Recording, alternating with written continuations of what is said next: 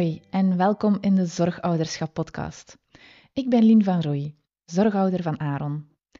Vandaag heb ik Noor Segers te gast. Zij werkt voor Magenta. Het Magenta-project is er voor ouders van kinderen met een beperking of chronische ziekte. Ze willen zorgouders ondersteunen in een zorg-werk-leven-balans. Hoe ze dit dan allemaal doen, kom je in deze aflevering te weten. Maar eerst het gedicht van de aflevering, genaamd Tools. Als zorgouder is het zo zoeken naar een zorg-werk-leven-balans. Maar biedt Magenta jou de tools, de moed en een nieuwe kans om dat evenwicht te vinden, om recht te blijven staan, om te leven ondanks de zorgen en jou er doorheen te slaan. Dag Noor, welkom in de podcast. Kan je misschien eerst van start gaan door jezelf kort voor te stellen en wat je link is met Magenta? Ja, ik ben dus uh, Noor, ik ben uh, eh, 62 jaar en ik ben um, Magenta opgestart in, uh, in 2012. Mm -hmm. Maar eigenlijk begint dat verhaal veel vroeger. Ik heb meer dan 30 jaar geleden, ons tweede kindje werd geboren. En ik ben op de voorlaatste dag van mijn zwangerschap met haar van de trap gevallen. En zij heeft daar een blijvende beperking, een hersenletsel, met een blijvende fysieke beperking aan overgehouden. Amai, heftig. Uh, ja, en ik was op dat moment managementtrainer in de banksector. Maar natuurlijk, met zoiets, uw leven wordt door elkaar geschud. Mm -hmm. zij is een paar, een, hele tijd in de kliniek gebleven. En toen ze naar huis kwam, dan was dat met elke dag naar de kine. Ook heel veel ja, opvolging door uh, dokters, door uh, ja, ontwikkelingscentra. en dat was niet te combineren met mijn werk. Dus ik, ik heb dan ander werk gezocht. Mm -hmm. dat beter te combineren viel met de zorg. Maar na een een twintigtal jaar, um, begon ik te merken dat wat ik vroeger aan de mensen in de banksector gaf, aan management, ideeën en handvaten, dat ik dat eigenlijk zonder te beseffen thuis toepaste. Okay. Uh, eh, en dat kwam naar boven in een gesprek met uh, andere ouders. Um, via de kinepraktijk, waar mijn dochter dus nog altijd gaat, al meer dan 30 jaar. Mm -hmm. uh, maar in een gesprek met een andere ouder, die vertelde, ik moet volgende week naar zo'n multidisciplinair overleg. Ik ben eigenlijk al geen mens, want uh, wat gaat nu weer zijn? Ja, ja, herkenbaar. Voilà. En dus op dat moment uh, had ik eigenlijk heel spontaan gezegd van ja, als ik, ik herken dat, want ik ben daar ook altijd wat ja, zenuwachtig voor geweest. Mm. Uh, ondertussen wat minder. Uh, en ook een paar dagen niet goed. Soms een paar dagen moeten bekomen, omdat er, uh, als het, zeker als het niet zo goed nieuws was, of er moet weer meer, of het moet weer anders. Um, en ik vertelde van, ik bekijk dat eigenlijk als een vergadering. En ik mhm. bereid mij voor, zoals op een vergadering. Okay. En die moeder die kwam een week later en ze zei, ik heb daar zoveel aan gehad, heb je nog van die tips? En zo wow. is eigenlijk het besef gegroeid ook van mij, uh, ik pas heel veel van die management-ideeën thuis toe. Zonder dat ik het wist, maar misschien is dat wel helpend. Uh, en dan ben ik, naar, ben ik wat rondgezocht, want ik wou daar iets rond doen, mm -hmm. maar ik wou dat vanuit een achtergrond doen. Dus hè, ik, heb, ik heb mijn ervaringskennis als moeder, maar ik wou eens uh, bekijken van, bestaat dat eigenlijk niet al die... Hè, hoe runt je nu zo'n gezin waar dat er een zorgenkind is? Er komt veel meer bij kijken.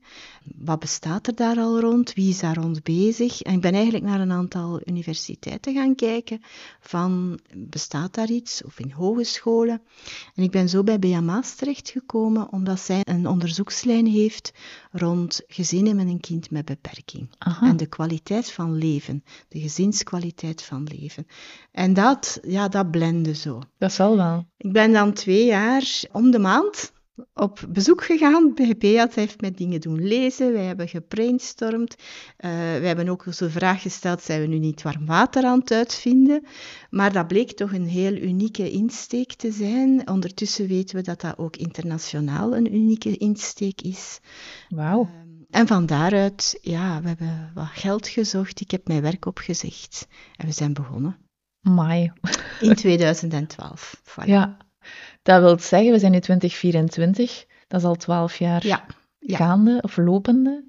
Misschien zullen we eerst inzoomen wat het is, om dan te zien van welke evolutie hebben jullie misschien Ja. gaandeweg al, al wat meegemaakt. Hè? Dus het voornaamste doel, als ik het goed begrijp, hè, is toch om zorgouders te ondersteunen in het vinden van die zorg, werk en levenbalans. Op welke manier of manieren proberen jullie dat dan te bieden? Ja, we zijn eigenlijk, we hebben een basisprogramma voor ouders van jonge kinderen, 0 tot 14 jaar, zetten we daar zo wat als richtcijfers op, waarin dat we vier workshops eh, hebben aanbieden, overal in Vlaanderen en in Brussel.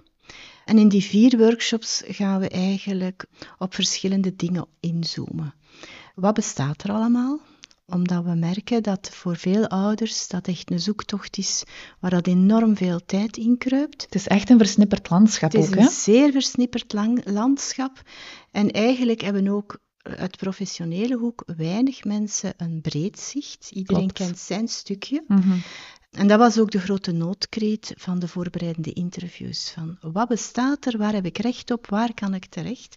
En dat, dat komt aan bod tijdens de workshops. Maar wij hebben ook een aantal informatieve tools gemaakt. Mhm. Voor die doelgroep heet dat de roze kaart. Ja. En ook een bundel vakantie en vrije tijd, waar dat wij eigenlijk dat soort opsporingswerk doen eh, voor de ouders.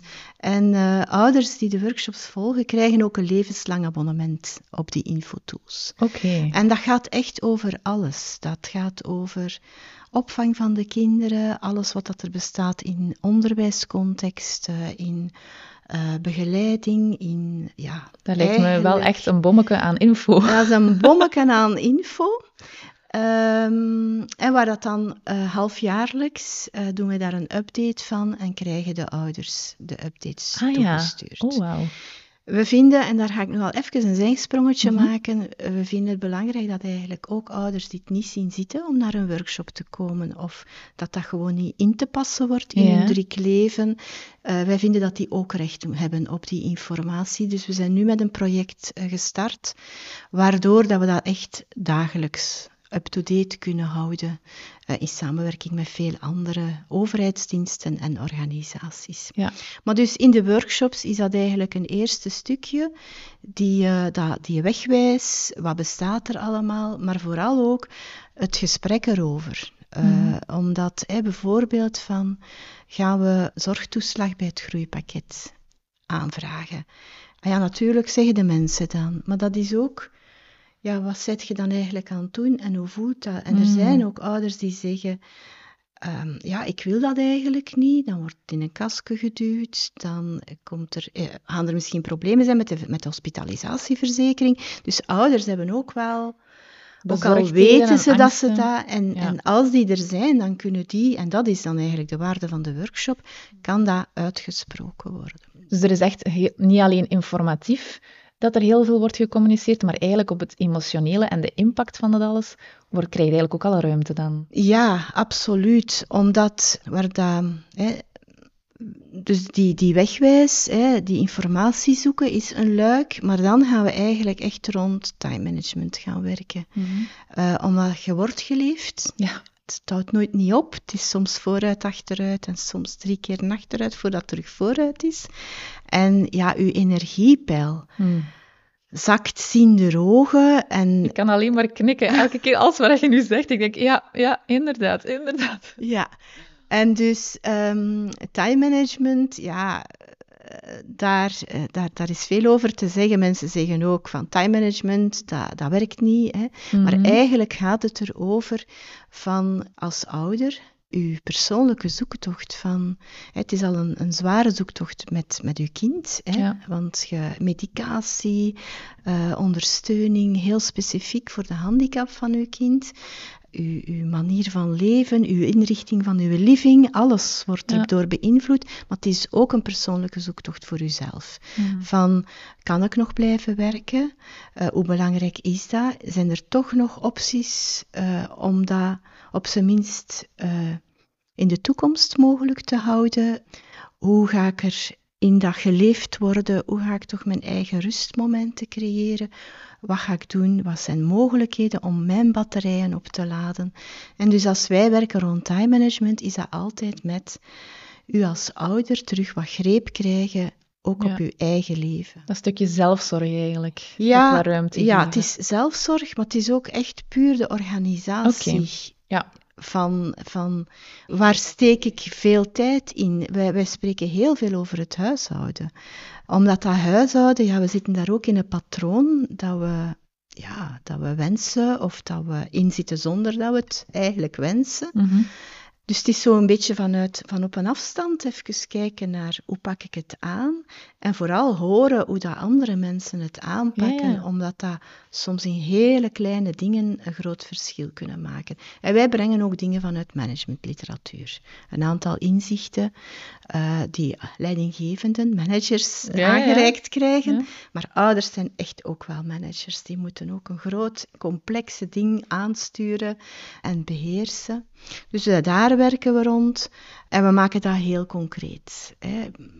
Um, bijvoorbeeld, wij, wij, werken met de DDD-regel en dat staat voor dumpen. Mhm. Wat zou je kunnen niet meer doen, minder doen, minder vaak doen, minder lang doen? En dan gaan we op zoek naar voorbeelden. Oké. De tweede D staat voor doorgeven. Ja. En dat is, het zijn dingen die moeten gebeuren, die we belangrijk vinden, maar moet, moeten wij het als ouders zelf doen. Ja, kan je het uitbesteden? Kan je het uitbesteden. Mhm. En dat kan zijn naar, naar een, een opvang, hè, een betaalde setting, dat kan, maar dat kan ook zijn in je eigen netwerk. Okay. Um, als je een netwerk hebt. Als je geen netwerk hebt, hoe kun je daarmee aan de slag om toch een, een ja, hulp te vinden? Mm en dat is eigenlijk gepikt vanuit delegeren. Oké. Moet gebeuren, maar je moet niet alles zelf doen. Ja. De laatste D is doen. Dat is echt het klassieke time management tips. Mhm. En dan hebben we eigenlijk, als we dat stukje rond time management en doorgeven van de zorg, hè, uh, gedaan hebben.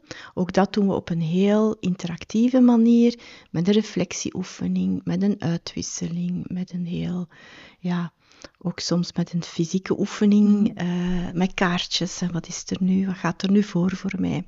En de zelfzorg komt daar zeker in aan bod. Mhm. Omdat als je bespaart op slapen en op uh, u ontspannen, ontspanning, sociale contacten die je deugd doen, uh, vrije tijdsbesteding die je deugd doet, dan zijt je op je tandvlees hoe mm, langer hoe meer aan het geraken. Dus dat, dat, die zelfzorg komt daar zeker ook in. Maar ook bijvoorbeeld rond het doorgeven, wat houdt er u tegen? Om de zorg voor uw kind of voor het huishouden door te geven. Mm. Maar ook wat zijn stimulansen? Hoe pakken andere mensen dat aan? Want voor sommige ouders is dat gemakkelijker als voor anderen.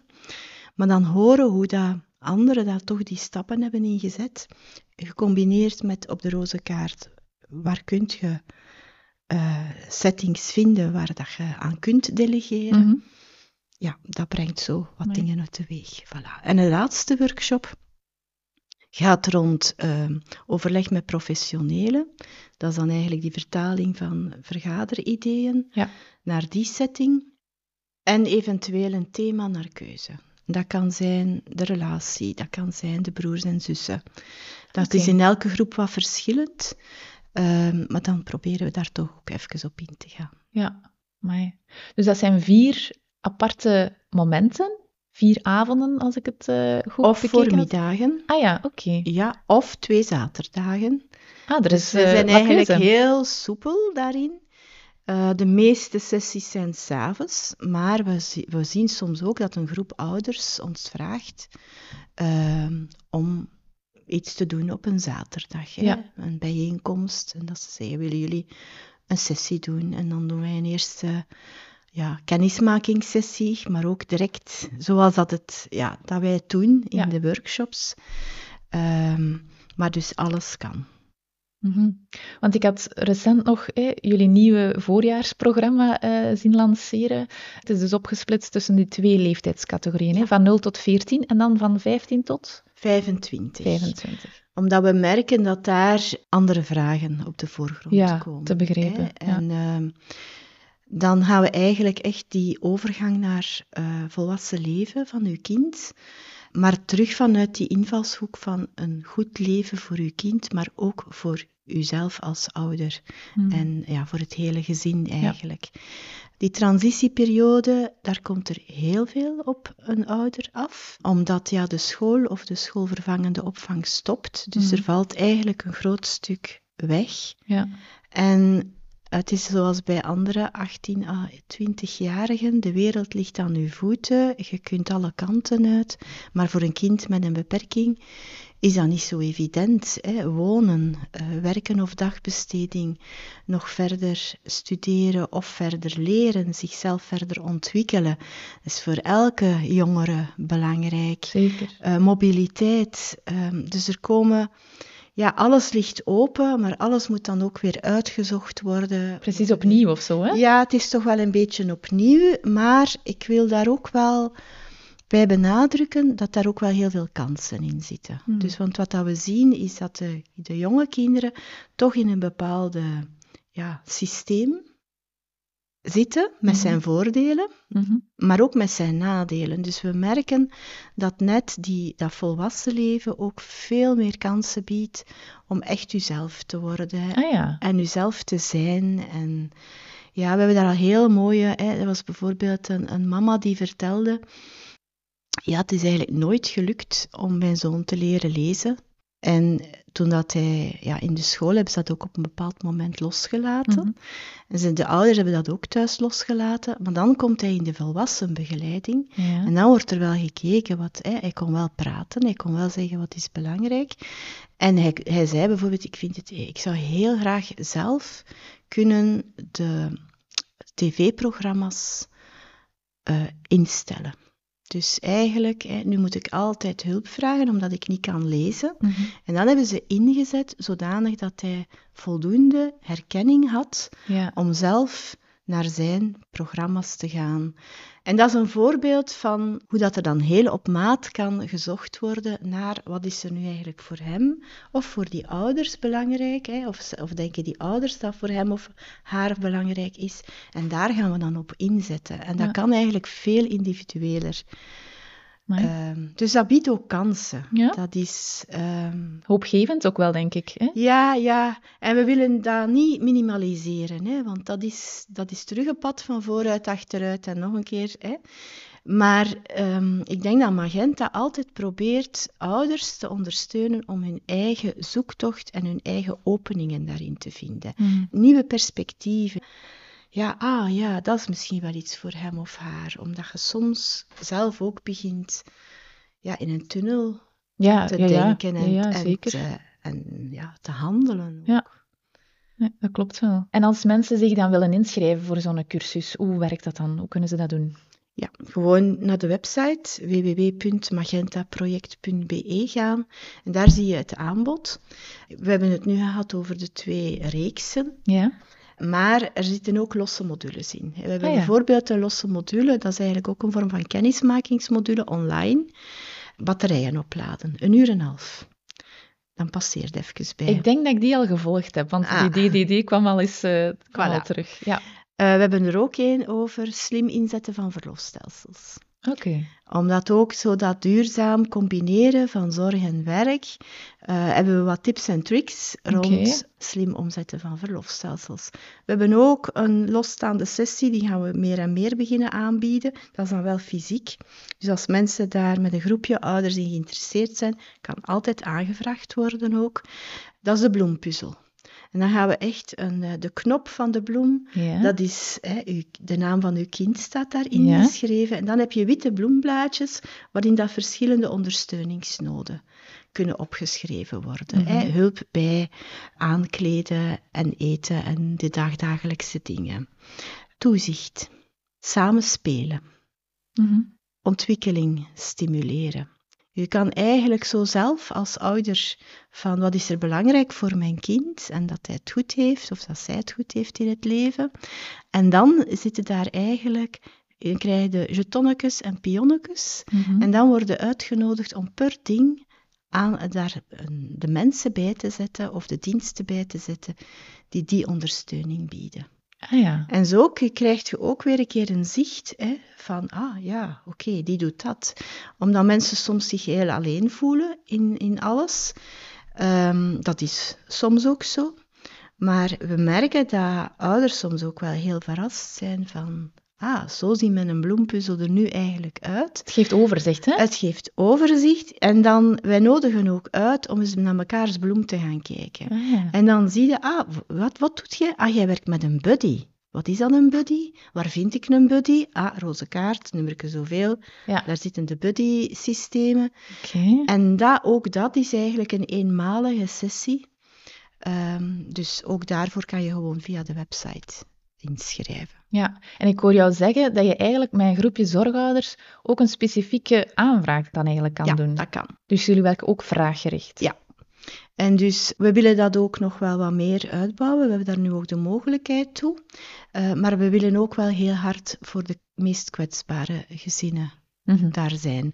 Omdat zeker een, een alleenstaande ouder eh, is het helemaal niet evident om zich vrij te maken voor een workshop. Mhm. Dus dan merken we nu, we, we werken daar ook voor samen met een aantal organisaties, maar ik wil benadrukken, ook een groepje ouders kan een aanvraag doen.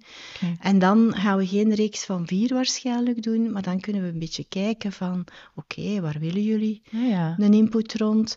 En dan proberen we wel terug ja, te kijken van, en wat kan daar nu nog op aansluiten? Ja, We proberen eigenlijk met zo weinig mogelijk inspanning, zoveel mogelijk mensen bereiken. ja. En we hebben gelukkig een groep van ondertussen 14 vrijwilligers. Allemaal mensen die zelf ook een kind met extra zorgnoden Ja. hebben. En die worden ook voor de fysieke of voor de online sessies ingeschakeld. Dus we hebben een klein team van vijf halftijdse mensen. Maar dan hebben we ook wel, zeker voor de aanbod voor de jonge ouders, eh 14 vrijwilligers. Amai, mooi. Voilà. Ja, mooi engagement. Want iemand van mijn volgers, die, eh, die had zich al zo voorgesteld van hey, ik heb dat ooit gevolgd en nu geef ik al tien jaar als vrijwilliger inderdaad die sessies, die workshops. Ja. Dat is echt eh, knap, knap engagement. Hè? Het is een knap engagement. En als we vragen, hè, wat brengt u ertoe om Ja. dat te doen en dat te blijven doen, dan horen we eigenlijk twee dingen. Ik heb daar zoveel aan gehad. Ik vind dat belangrijk dat andere ouders dat ook, ja, ook die kans krijgen. En het tweede is, en dat geldt ook voor mij, ik leer zelf elke keer bij en ik krijg zelf elke keer opnieuw energie. Ik zie zelf weer nieuwe perspectieven, omdat Ja. de creativiteit van ouders is onwaarschijnlijk groot. Ja. Ehm, en het zit in hele kleine dingen. Ik ga je één voorbeeldje geven. Als we dan zeiden, hè, dumpen, dat Ja. dingen niet meer doen, zodanig dat je echt tijd spaart. En we vragen dan voorbeelden en iemand zei, ik heb beslist, het wordt een simpel jaar. Ik heb dat al eens gedaan en ik ga dat nu terug doen. En wat Oké. houdt dat in? Ze merkten dat ze erg geïsoleerd geraakten als gezin. Omdat met hun kind op verplaatsing gaan absoluut niet evident was. Mhm. Maar ook mensen bij hen thuis uitnodigen, dat was, ook, dat was er te veel aan. Ja, Maar ze zegt, ja, we hebben dan ook gecommuniceerd. Het wordt een simpel jaar. Dus wij willen heel graag terug contact hebben met familie, met vrienden. Maar het is fijner als jullie bij ons thuis komen. En het gaat een pizza, voorgemaakte pizza, van in de oven zijn. ja, En ik ga ook niet mijn huis helemaal opruimen voordat je komt. We houden het simpel. wauw. En dat is bijvoorbeeld iets waarvan dat, dat ik ook al vele jaren nu meedraag. Zo van, wat is het belangrijkste Mm. en hoe kun je dan daarvoor zorgen, eh, maar op een haalbare manier voor Ja. u en uw gezin. Amai. Dat is echt een mooi voorbeeld. Ik ga dat meepakken. dus ik had begrepen, er is eigenlijk heel veel mogelijk, zowel naar eh, soorten cursussen, eenmalig, hè, een workshop van vier sessies, fysiek en online. Maar ik dacht bij die reeks van vier Ja. dat je ofwel volledig fysiek had, ofwel twee thuis en twee... Of hoe zat dat juist? Ja, ehm, de standaard, als je nu kijkt naar de programmatie eh, van het voorjaar, is het allemaal fysiek. Oké. En is het dus ja, op één plaats. En is het ook de bedoeling, als je daarvoor inschrijft, dat je normaal gezien de vier sessies gaat kunnen volgen. Ja. Je hoort mij dat al. Ja. Alle begrip. Maar mensen die zeggen, ah, het interesseert mij wel, maar ik kan alleen maar sessie 1 gaan, ja, je ontneemt een andere ouder een volle plaats voor Ja. de vier sessies. Mhm. hè. We hebben geëxperimenteerd met ehm, een mix, in de zin van, we hebben ook een, een e-learning platform waar dat er een stuk van de Magenta input in verwerkt zit. Je kan dat gratis gebruiken. En zo hebben we dat gedaan. We hebben dan gevraagd aan ouders, neem een stukje online zelf door en dan gaan we eigenlijk de ervaringsuitwisseling gaan we in bijeenkomsten doen. Ah ja, Maar dat werkt niet zo goed. Ehm, en dus ja, daar zijn we mee gestopt. En we merken ook wel dat eh, het mixen van fysieke bijeenkomsten met online bijeenkomsten, ja, het is toch anders. En dat de ouders die naar de fysieke komen, dat die net, net echt een, een groepsgevoel Ja. hebben. En je ziet elkaar en je pakt dan tijdens de pauze een koffie en dan ga je even met die praten. En dus er zijn mensen die daar echt wel volop nog een keer van, ik wil mensen zien. Ik, ik, de allereerste groep in 2012, die Mhm. komt nog altijd samen. Wauw. Dus er, er ontstaan daar ook eh, vriendschappen of zelfs allee, een groepje dat, dat elkaar wil blijven zien. Ja, ja, ja. Wij, ehm, wij zijn daar dan niet meer bij. Mhm. Maar dat is het grote voordeel van de fysieke sessies. Ja, maar natuurlijk, uiteraard. je moet een babysit zoeken als je met twee wilt komen of als je alleenstaande bent. Je hebt de verplaatsingstijd, ehm, maar het is ook wel even landen. Ja, ja, ik voel inderdaad van enerzijds, het was bij mij ook wel zo aan een dubbele van, oh, ik, ik zou dat eigenlijk heel graag willen doen, eh, maar de afstand was mij iets te ver op dat moment. hè. Maar ik- misschien even al een zijsprong. Jullie locaties ehm, wisselen ook, hè, eh, elke keer, maar daar kunnen we straks zeker nog op inpikken. En ik dacht, oh, dat is een beetje lastig, want dat was dan s'avonds en dan verrijden en ik kruip eigenlijk liefst heel vroeg in mijn bed. Dus dat waren voor mij al iets te grote drempels. Dus ik ben het nu wel in de gaten aan het houden als zoiets dichter in mijn, in mijn woonomgeving is, om er dan zeker op in te springen. Want jullie communiceren halfjaarlijks van de nieuwe sessies en de nieuwe locaties, vermoed ik. Ja, ja. En eh, dus nu staat de voorjaarsprogrammatie eh, erop.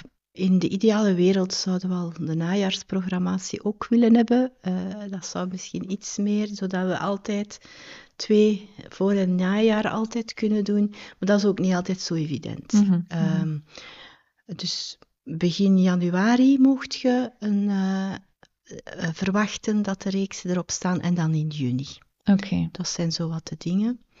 En zoals gezegd, ehm, het is vooral s'avonds, omdat we merken dat de sessies overdag, als we dat fysiek doen, dat dat niet zo evident is om een groepje samen te brengen. Mhm. Vandaar ook, hè, zeker als je met een, een aantal ouders bent, bijvoorbeeld eh, van de school van uw kind of de opvang van uw kind, en je zegt, wij zouden het eigenlijk wel graag hebben in een voormiddag bijvoorbeeld, dan kunnen wij dat doen, maar dan vragen we wel dat we het ook mogen op de website zetten. Zodanig Ah, ja. dat andere ouders in dezelfde buurt ook kunnen kopen, komen. Maar we zijn wat gestopt met de eh, ja, overdagreeksen, omdat het, ja, dan, dan start je met, met vijf mensen, maar als er dan al één of twee uitvallen omdat het kind ziek is of eh, dat er Ja. iets aan de hand is, ja, dan zitten we nog met drie. Ja. Wat is de ideale groepsgrootte? Ehm, ideaal zeg ik tien, Oké. maar eigenlijk tussen 8 en 15, dat is zo. eh, Hoger als 15 gaan we niet, dan, dan ontdubbelen we. Ja, ja, ja, ja. ja. Dus zeker, we vragen dan even nog twee, drie dagen op voorhand van, eh, kan je zeker komen? Mhm. En dan zijn er soms mensen die zeggen, ja nee, het gaat toch niet lukken. En dan krimpt de groep hè, van 18 naar 15 en dan kan het gewoon doorgaan. Eh, indien niet, hebben we het ook al uitgesplitst dan. Wat zijn zoal de reacties die jullie krijgen van mensen die zo'n cursus of, of workshop eh, gevolgd hebben bij jullie? De belangrijkste reactie voor mij Mhm. is heel vaak als mensen zeggen: Het heeft mij zo'n deugd gedaan om te zien dat het voor iedereen moeilijk is en dat ik eigenlijk niet slecht bezig ben. Zo'n stukje die dat vertrouwen ook. Mhm. Hè, want ehm, je komt voor situaties te staan waar andere mensen niet komen voor te staan. Uw buren niet, uw collega's niet, uw vriendinnen niet. En we zijn daar blij voor.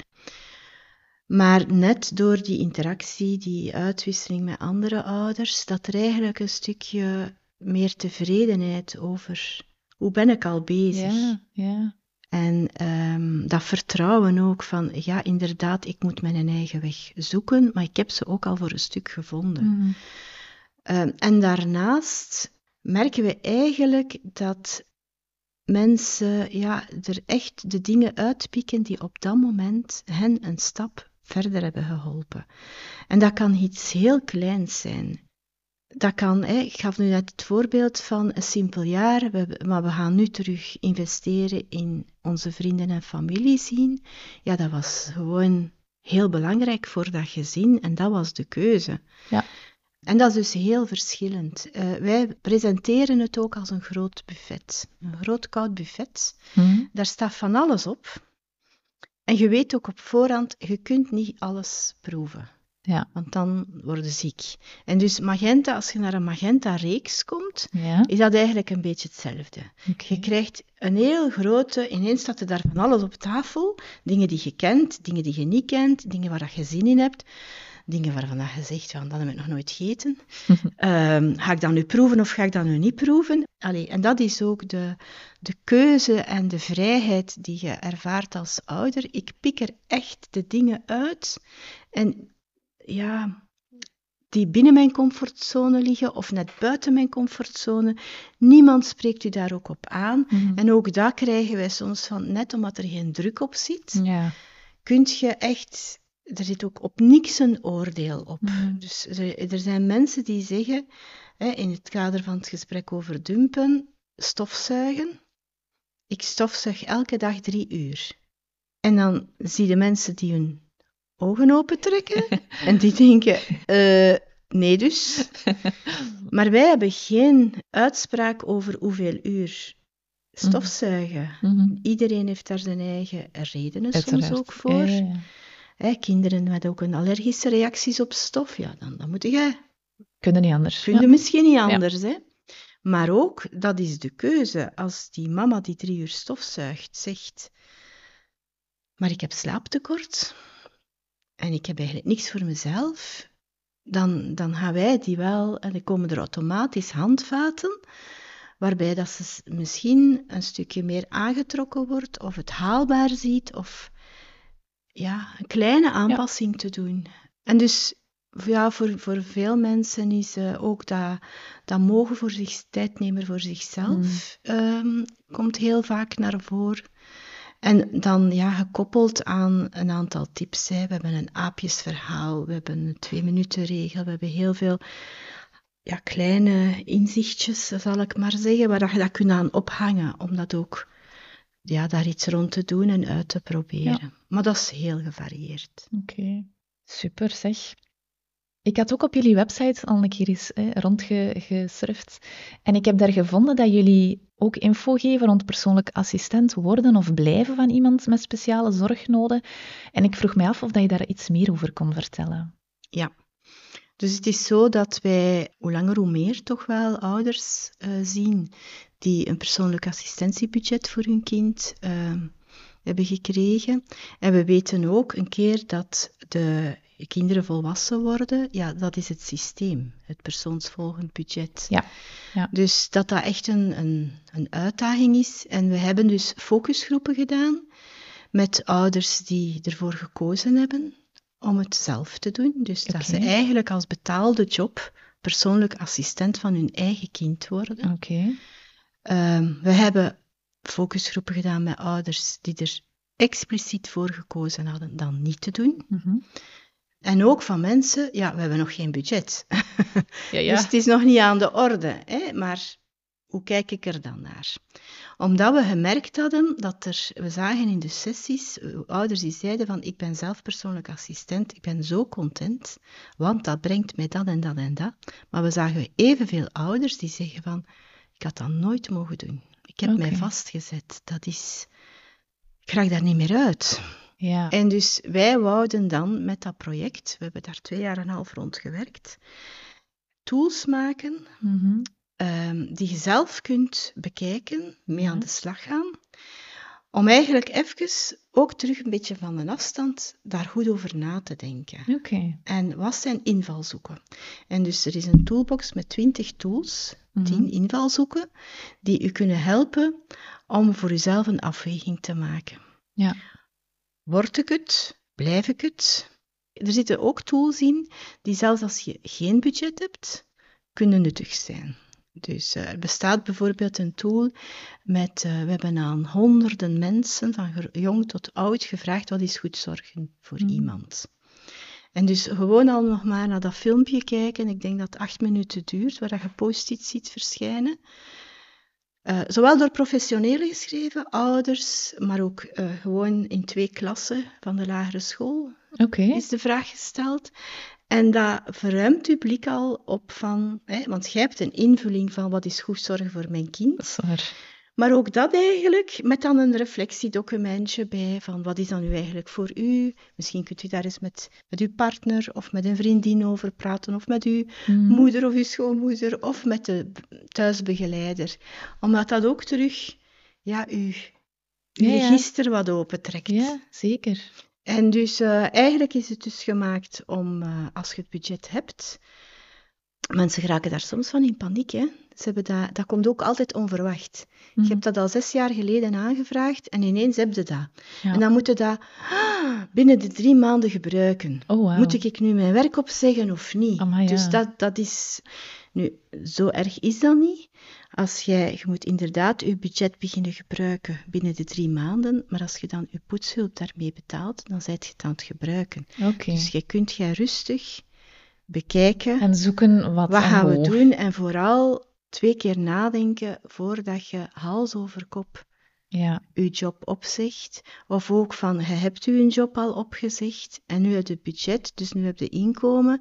Het is ook wel een moment om te bekijken van, oh, kan er hier iemand anders of een andere dienst worden ingeschakeld, zodanig dat ik terug aan het werk kan gaan. Oké. Ja, lijkt me wel een heel ehm, handig instrument, want we zijn zelf ook afwachtende. ehm, en dus ja, nog geen, nog geen beslissing rond PHB.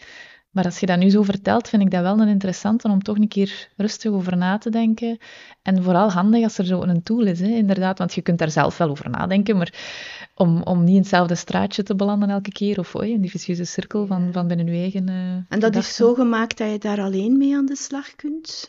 Maar wij hebben ook al, eh, we hebben vroeger ook een project gedaan rond de combinatie van loopbaan met zorg. Mhm. Eh, we hebben tegen de 200 loopbaancoaches opgeleid. Eh, in de zin dat we hen wat hebben laten voelen en ervaren van wat is dat nu? Hè? Met een kind met extra zorgnoden hebben. Ehm, en zij hebben ook die tools aangereikt gekregen. Ja. En dus ehm, ja, je vindt die ook op de website Loopbaan met Zorg. Hè. Als je naar de tools gaat, Loopbaan met Zorg, daar vind je dan de lijst met de door ons opgeleide loopbaancoaches. Goed, die ga ik zeker ehm, in de show notes zetten, zodat mensen daarop kunnen klikken.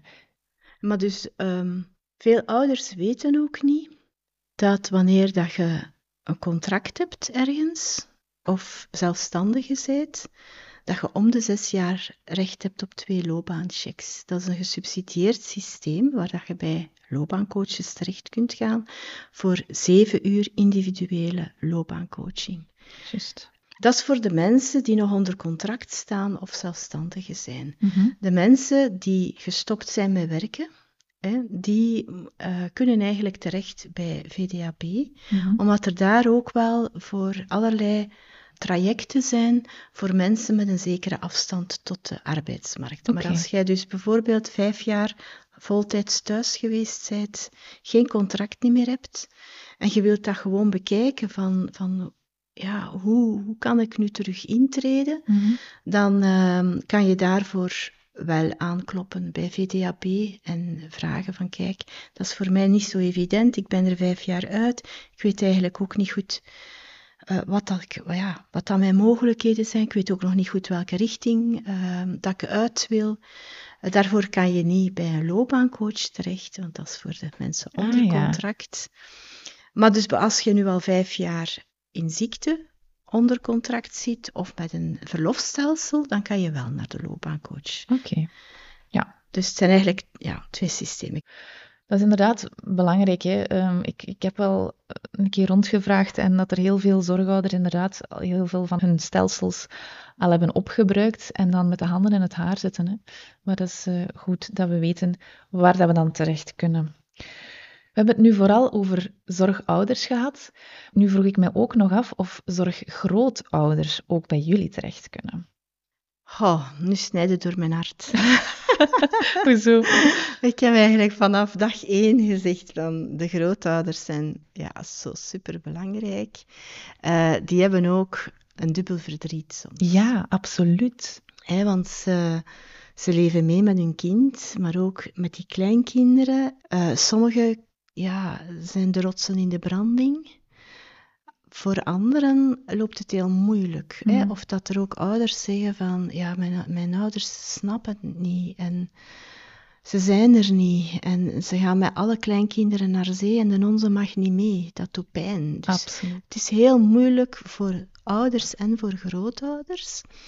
En ik wou eigenlijk, ja, ik heb altijd gezegd van, ik ga ook nog iets doen voor grootouders, maar ik ga dat niet meer doen. Eh, maar ik, eh, bij Odyssee Gezinswetenschappen Ja, zijn ze bezig met een onderzoek cadet oké. naar de rol van grootouders wat ten opzichte van kinderen met een beperking. Ze zijn grootouders gaan interviewen Ah, en ik weet nu niet hoe dat het, ehm, de stand van zaken is van hun werk, maar de bedoeling is ook wel daar dat ze op zijn minst ja, iets publiceren mhm. waarin dat echt een keer die rol van die grootouders Ja, ja, centraal staat. Oké. En ja, dan, dan gaan we moeten kijken wie pakt dat op. Pakt iemand dat op? Ehm, ik denk dat het. Ik, ik ga me daar nu niet voor Magenta voor engageren, want we hebben nog zoveel werk om ouders te bereiken en dan zeker die ouders in die kwetsbare situatie. Wij nodigen eh, grootouders wel uit op de, ja, de themasessies. We doen zo een jaarlijks of tweejaarlijks een tour van de provincies met een thema. En daar is iedereen op welkom, eh, ook grootouders. eh vorige keer was het over broers en zussen, waren ook de broers en zussen welkom. Daar zijn ook professionelen op welkom. En dus op dat moment, dan, dan komen er soms wel grootouders mee, maar dat is niet voor hen. Ja, ja, oké. Eh, bij mijn weten bestaat er geen aanbod voor grootouders. Ik heb Dus het ook nog niet gevonden. Wie dat de podcast hoort, Mhm. kan misschien geïnspireerd zijn. Ja, een warme Eh, oproep. Hè. Ja, ehm, voilà. Maar het zal niet meer voor mij zijn in Magenta. Nee, maar want- Misschien wel voor mij na Magenta, Ja. of misschien voor Magenta later. En je zegt dat omdat je binnen een jaar in pensioen gaat. Ik ga binnen een jaar in Voilà. pensioen, maar ik heb een prachtteam Ja. die daar met evenveel enthousiasme en, en ja, innovatiegericht, maar ook vanuit dat heel fijngevoelige eh van zo wij, wij hebben eigenlijk de ouders niks te leren, we kunnen ze maar bijeenbrengen Ja. en wat proberen te inspireren. Ja, ja, ja. Dus eh voilà. Oké. Ehm, ja, maar dus die grootouders... ehm, ja, het is jammer, hè, want het is zo'n een onzichtbare groep eigenlijk ook wel, hè, Ja, vaak. absoluut. Eh, en ik vind dat nu zelf... ehm, ja, ook als ik verhalen hoor van, van volgers die dan een gedichtje op maat eh, vragen, dan krijg ik altijd een beetje achtergrondinfo over de situatie. En dan inderdaad, zoals je zei, het kan alle kanten op. Hè? Dus ik voel dat daar inderdaad wel zeker nog een nood zit, een verlangen om, om, eh, om die groep ook te ondersteunen. En, en de connectie tussen ouders, grootouders, om daar iets mee te gaan doen. Ja, Dat is nog wel een leuk idee. Een keer een ouder-grootouderdag. ja voilà. Zo. enfin, kijk, nee, ik moet mij inhouden. er zijn nog veel te doen. ja, inderdaad. Maar wie weet zit er ergens een grootouder die zich eh, geïnspireerd voelt. Voilà, ja, inderdaad. En laat het mij dan vooral ook weten. Hè. Ja, we hebben het over ehm, broers en zussen ook kort eventjes al gehad. Hè? Je had Ja. vermeld dat er ook een themadag was. Eh, dat was eenmalig. Hè. Ja. Ehm, dus het is zo dat de broers en zussen daar wel komen doorfietsen in de workshops, sowieso. Soms wordt dat als even vastgepakt, als dat in de groep echt leeft. Dan ehm, gaan we daar even op in. Maar dus in 22, 23 ehm, hebben we dus voor onze jaarlijkse themasessie het thema Brussen gekozen. En daar hebben wij samengewerkt met Zo Jong. Zo Jong is opgericht door een aantal jonge mantelzorgers, twintigers.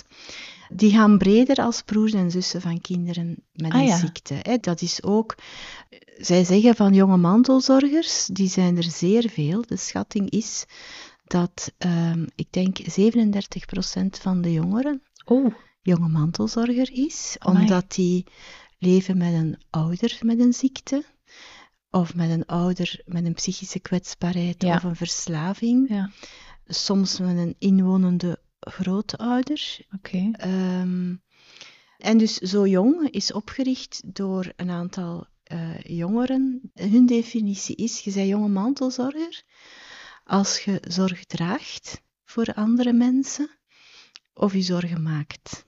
Mm. En eh, zij hebben onder andere een pakket gemaakt om de jonge mantelzorgers in de kleuterklas te herkennen. Omdat er ook in de kleuterklas zitten bijvoorbeeld broers en zusjes Ja, van kinderen met beperking, maar daar zitten in de kleuterklas zitten er ook kinderen met een moeder, een alleenstaande moeder of vader met een psychische kwetsbaarheid of die in burn-out is. ja. Dus zij hebben eigenlijk een heel, eh, ja, dat is hun missie dan, om jonge mantelzorgers, waartoe de broers en zussen ook behoren, Ja. te ondersteunen. Zij zijn nog in opstart, maar ze hebben al enorm veel gedaan. Ze hebben één fysieke plaats waar dat broers en zussen terecht kunnen, Allee, en andere jonge mantelzorgers. Maar zij hebben ook chatfuncties, ze hebben een heel hippe website. Dus ouders kunnen zeker, ik denk zeker vanaf dat hun kinderen 10, 12 jaar zijn, kunnen ze wel verwijzen naar zo jong. En daarnaast zijn er wel wat Brussen-initiatieven hier en daar. Mhm. Maar het grote probleem is dat dat niet... ehm, we hebben geen plek waar dat je vindt wat dat er voor broers en zussen bestaat. Ja. En we hebben dat gezien omdat we, naar aanleiding van onze Brussenavond, hebben we dat gecombineerd met een, een eh, infomarkt, Ja, waar dat we tussen de 9 en de 12 stands hadden van organisaties die op dat moment een aanbod naar Brussel deden. Dus er bestaat wel, maar het is onzichtbaar, het is Hmm. moeilijk te vinden. Ja, Binnenkort hebben wij samen met Zo Jong eigenlijk, met wat we in de themaavond hebben gedaan, gaat op een website komen. Waar dat je ook kan naar linken, zowel vanuit de Magenta-website als bij Zo Jong. oké, super. Dan eh, gaat iedereen dat zeker wel kunnen terugvinden. Zijn er nog zaken die jullie aanbieden waar we het nog niet echt over gehad hebben? Ja, Eh, vooral voor de ouders van jongeren tussen 15 en 25 jaar hebben wij een basisreeks van twee online workshops. eh, met daartussenin ook kennisclips voor zo wat, wat moeten weten. Hè, Mhm. Wat zijn de procedures? Eh, je moet eigenlijk heel veel dingen in gang zetten, ook administratieve stappen nemen. Maar dat hebben we in een kennisclip proberen te steken. Een, een kennisclip, dat is... Het is eigenlijk een, eh, een PowerPoint die Ah. ingesproken wordt, maar met het voordeel dat je, je kunt, hè, waar dat er echt heel informatief Mhm. ehm, input wordt gegeven, maar waar dat je ook kunt stoppen, even terugspolen, hè, in plaats dat we dat ene keer vertellen tijdens een workshop. Het is meer iets webinarachtig, zo klinkt het. Eh, Maar ja. dan met ja, maar ja. eigenlijk niet. Het is gewoon vooraf opgenomen. Dus dat zijn twee online workshops, waarin dat we in de eerste workshop gaan kijken wat is nu een goed leven voor, voor uw kind als volwassene, waar wil je naartoe werken, maar ook voor u als ouder, hoe ziet je uw rol in de toekomst als ouder. Eh, dat is de eerste sessie. Dan komt daar dus de kennisclips met het informatieve gedeelte. En in de tweede gaan we terug gaan kijken naar wat bestaat er nu aan hulp en ondersteuning. Mhm. En vooral op welke manieren ga je je zoektocht naar hulp en ondersteuning aanpakken. Hmm. Want het is zo'n beetje te vergelijken van, goh, ik moet naar een feest. Hè? Ja. En ik wil eigenlijk een nieuwe outfit. Oké. En dan kun je daar, je kunt dus eigenlijk een namiddag naar Antwerpen gaan of naar je stad naar keuze. En je gaat overal in de winkels gaan kijken en je laat het op je afkomen. Mhm. Dat is oké. Je kunt natuurlijk ook zeggen, ik ga naar een feest, ik wil een outfit, een nieuwe outfit. En eigenlijk, wat zou ik eigenlijk willen? Ja. Wil ik een lange jurk? Wil ik een broekpak? Wil ik iets heel casuals, dat toch met een, een extra glins erin zit? Ja. En dan ga je even nadenken over waar wil ik eigenlijk naar op zoek gaan. En dan ga je naar dezelfde stad gaan. En dan ga je, hè, je hebt misschien een broekpak in gedachten, om nu maar een voorbeeld te geven. En misschien ga je toch nog met de jurk naar huis komen. Maar je gaat wel anders kijken. En je, Ja, ja, gaat, oké. je gaat dingen opmerken die je anders niet opmerkt. Ja. En dat is een beetje waar dat wij, hè, wij gaan wel zeggen van, wat is de grote winkel? Hè, maar er zijn, het, is, het is oneindig, er is een heel shoppingcenter. en als je dan op zoek gaat naar wat dat kan helpend zijn voor je kind en voor jezelf in die transitie en in dat volwassen leven, even gaan kijken van, ja, wat is er nu eigenlijk voor u belangrijk? Ja. Eh, hè, rond wonen bijvoorbeeld doen we dat. Wat is wonen? Maar als, hè, als je denkt aan het wonen van je kind later, Mhm. er zijn mensen die zeggen, ja, het moet eh, direct koppelen aan wat heeft hem nodig aan ondersteuning. Heel praktisch, maar je kunt wonen ook heel anders bekijken. Van, wat is er eigenlijk belangrijk? Alleen wonen of samen met anderen? Mhm. Mhm. Vanuit dat wonen gemakkelijk op pad kunnen gaan, of toch die, ja, die kokon, die veilige kokon.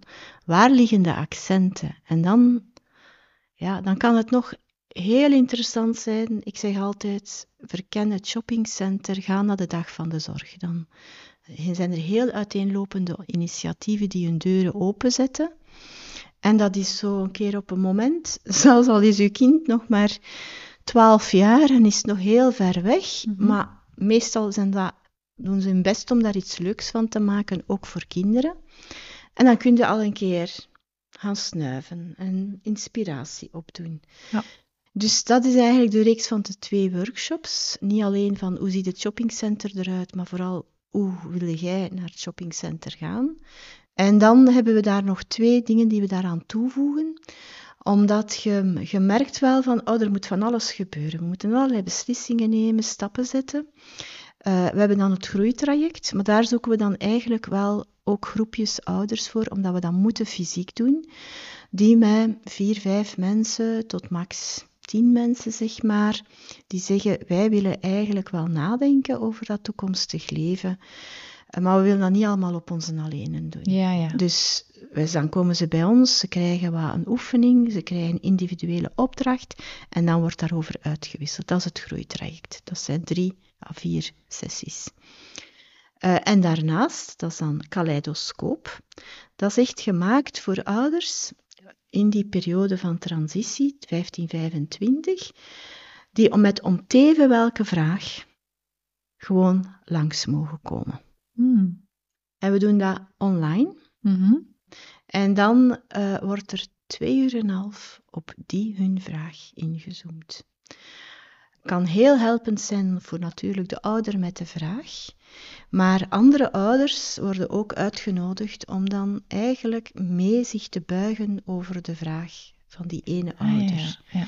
Maar door dat eventjes die oefening te doen voor een andere ouder, pikt je daar ook weer dingen Uiteraard. ja, Omdat je ook kijkt. Hè. En we doen dat echt via een intervisiemethodiek. Dat is zo echt een stappenplan Mhm. van hè, vertel nu eerst een keer, wat is uw vraag? En dat wordt ook verdiept.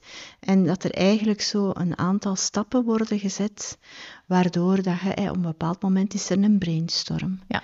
En dan is er eigenlijk een keuze van welke ideeën zouden iets kunnen betekenen voor mij. Dus dat is een heel geleid proces. Mhm.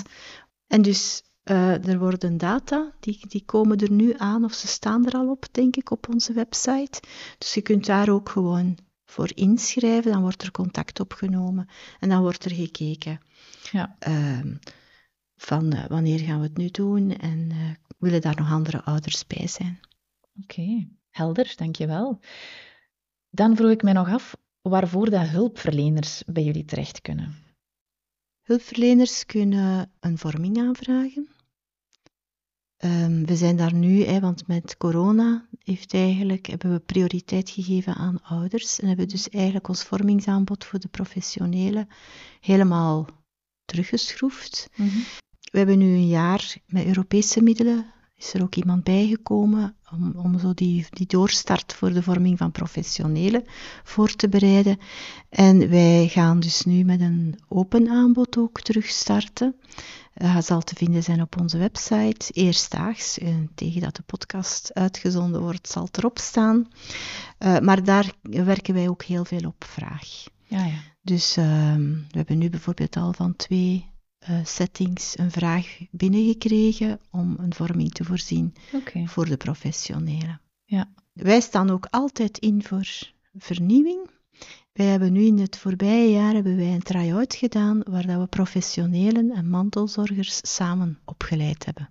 Hmm. Dat is eigenlijk uh, ja, toch wel goed bevallen, maar ook dat is een optie. Ja. Ah. Dat er gemengde groepen worden gemaakt. We staan open voor alles. Heel, heel fijn. Je sprak juist over Europese middelen. Hoe zit het financiële plaatje juist in elkaar dan uh, voor het Magenta-project? Ja, wij hebben eigenlijk sinds 2019 hebben wij een subsidie van uh, opgroeien, hè, het vroegere Ah, ja. kind en gezin, om workshops voor ouders met inzet van vrijwilligers aan te bieden. Dat dekt eigenlijk ja, twee halftijdsen. Ja. En wij zijn nu erkend als uh, pilootproject van de rechtstreeks toegankelijke hulp. Oh.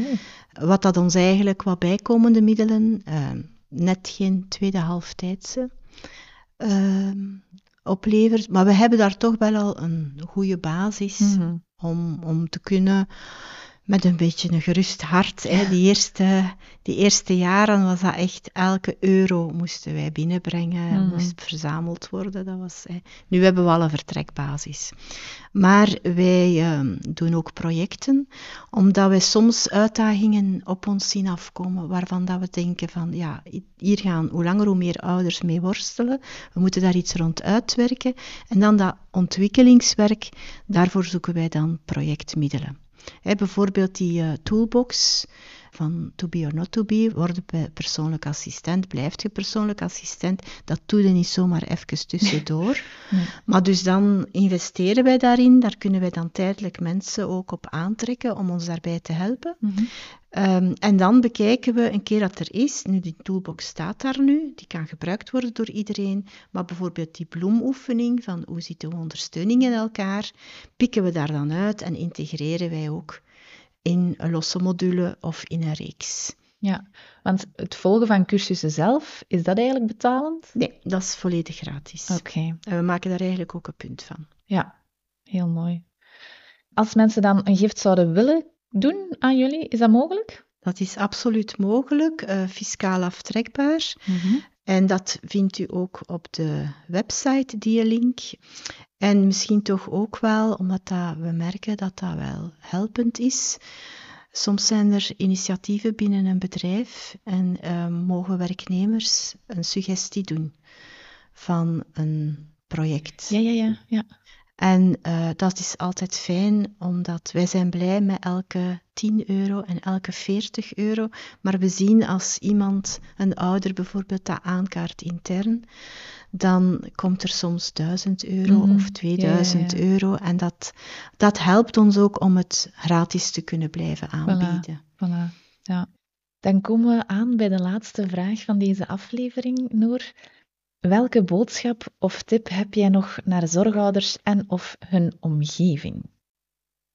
Ik vind dat moeilijk van een tip te geven, omdat ja, je ziet dat ook in het logo van Magenta. Elk gezin is anders, elke situatie is anders. Dus de tip is zeer moeilijk. Waar dat ik wel van overtuigd ben, is dat je het niet alleen kunt. En dat het uh, slim is om op tijd hulp te zoeken en hulp te aanvaarden. Hoe moeilijk dat dat ook soms is. Ja. Omdat wanneer dat je weet dat er mensen zijn die ook kunnen helpen. Al is het maar de buurman die zegt, ik ga naar het containerpark, wilde jij dat ik uw papier meepak? Zeg daar ja op. Alle beetjes helpen. En dat is belangrijk voor uzelf, want je moet nog lang meegaan om te kunnen blijven er staan. Klopt. En je moet er niet op elk moment staan. Als er momenten zijn dat niet gaat, dan zeker, dan, dan, dan moet je het overlaten aan andere mensen en daar is ook niks mis mee. Mhm. Dus het is belangrijk voor uzelf, maar ik denk dat het ook belangrijk is voor uw kind. Ehm, in het Magenta-boek zijn er ook wat uh, stukjes geschreven door experten. En een van mijn lievelingsstukken daarin is doorgeven in vertrouwen is doorgeven van vertrouwen. Hm. En dat betekent eigenlijk als jij je kind toevertrouwt aan iemand anders om er een halve dag voor te zorgen of een keer mee weg te gaan, Mhm. dan geeft je ook je kind een cadeau van vertrouwen in andere mensen. En dan niet alleen mama en papa kunnen goed voor mij zorgen, maar er zijn ook nog andere mensen die goed voor mij kunnen zorgen. Of die net mij een kans geven waar dan mama en papa uit hun bezorgdheid niet altijd toe komen of vanuit hun pa- patroon. Dus eigenlijk het delen van de zorg is. Mensen voelen zich daar soms schuldig over, van ik wil niet tot last zijn, of "Wow, gaat wel goed voor gezorgd worden. En dat is een zoektocht ook voor uzelf. Maar Hmm. ik denk, eh, voor mij is zo dat, wat dat eh, Nicole Vliegen daarin schrijft, je geeft het cadeau dat uw kind ook kan vertrouwen in andere mensen, is zo Ja, waardevol. dat is mooi. Heel mooi. Mag ik nog juist eventjes inpikken op wat je vertelde over dat boek? Want dat is nog niet aan bod het boek gekomen. is uitverkocht. en ehm, we zijn een beetje aan het bekijken van, gaan we dat opnieuw doen? Gaan we dat op dezelfde do- de manier doen? Of moeten we meer met podcasts werken? of iets anders? Ehm, maar dus ja, nu is het echt op. Ja. We hebben de laatste exemplaren nog in een verloren hoekje opgezocht. We gaan zien wat dat we ermee doen. Ja. Oké. Voilà. Goed. Dan rest me enkel nog om jou, Noor, van harte te bedanken om tot hier te komen voor dit hele inspirerende gesprek. Graag gedaan. Ik laat alvast ook de gegevens van Magenta achter in de show notes, samen met de vermelde websites. Natuurlijk wil ik ook jullie, mijn luisteraars, bedanken om alweer een nieuwe aflevering te beluisteren. Wist je dat je mij een groot plezier doet als je me laat weten wat je van de aflevering vindt? En nog meer door hem te delen en te beoordelen? Want zo help jij mee zorg te dragen voor zorgouders en bekendheid te scheppen over zorgouderschap en alles wat erbij komt kijken. Ook een dikke merci voor de mensen die hun vragen vooraf doorgegeven hebben over dit onderwerp. Heb je mijn vraag hierover op Facebook of Instagram gemist? Volg me dan gerust via mijn sociale mediakanalen, zodat je op de hoogte blijft van de podcast. Dagelijks verwen ik je ook nog eens met een gedicht, dus van harte welkom. Ten slotte nog een bedanking voor Orteam, de sponsor van de podcast. Dankzij hen blijft de podcast betaalbaar om te maken. Orteam is een orthopedisch centrum waar ze hulpmiddelen op maat voorzien. Zo heeft mijn zoontje Aaron zijn voetorthese, zitschaal, relax- en sta-apparaat allemaal via hen kunnen bekomen. Ze richten zich zowel op volwassenen als kinderen. Kortweg, maatwerk met een persoonlijke service. Dan wens ik jullie verder nog een fijne dag en tot de volgende keer.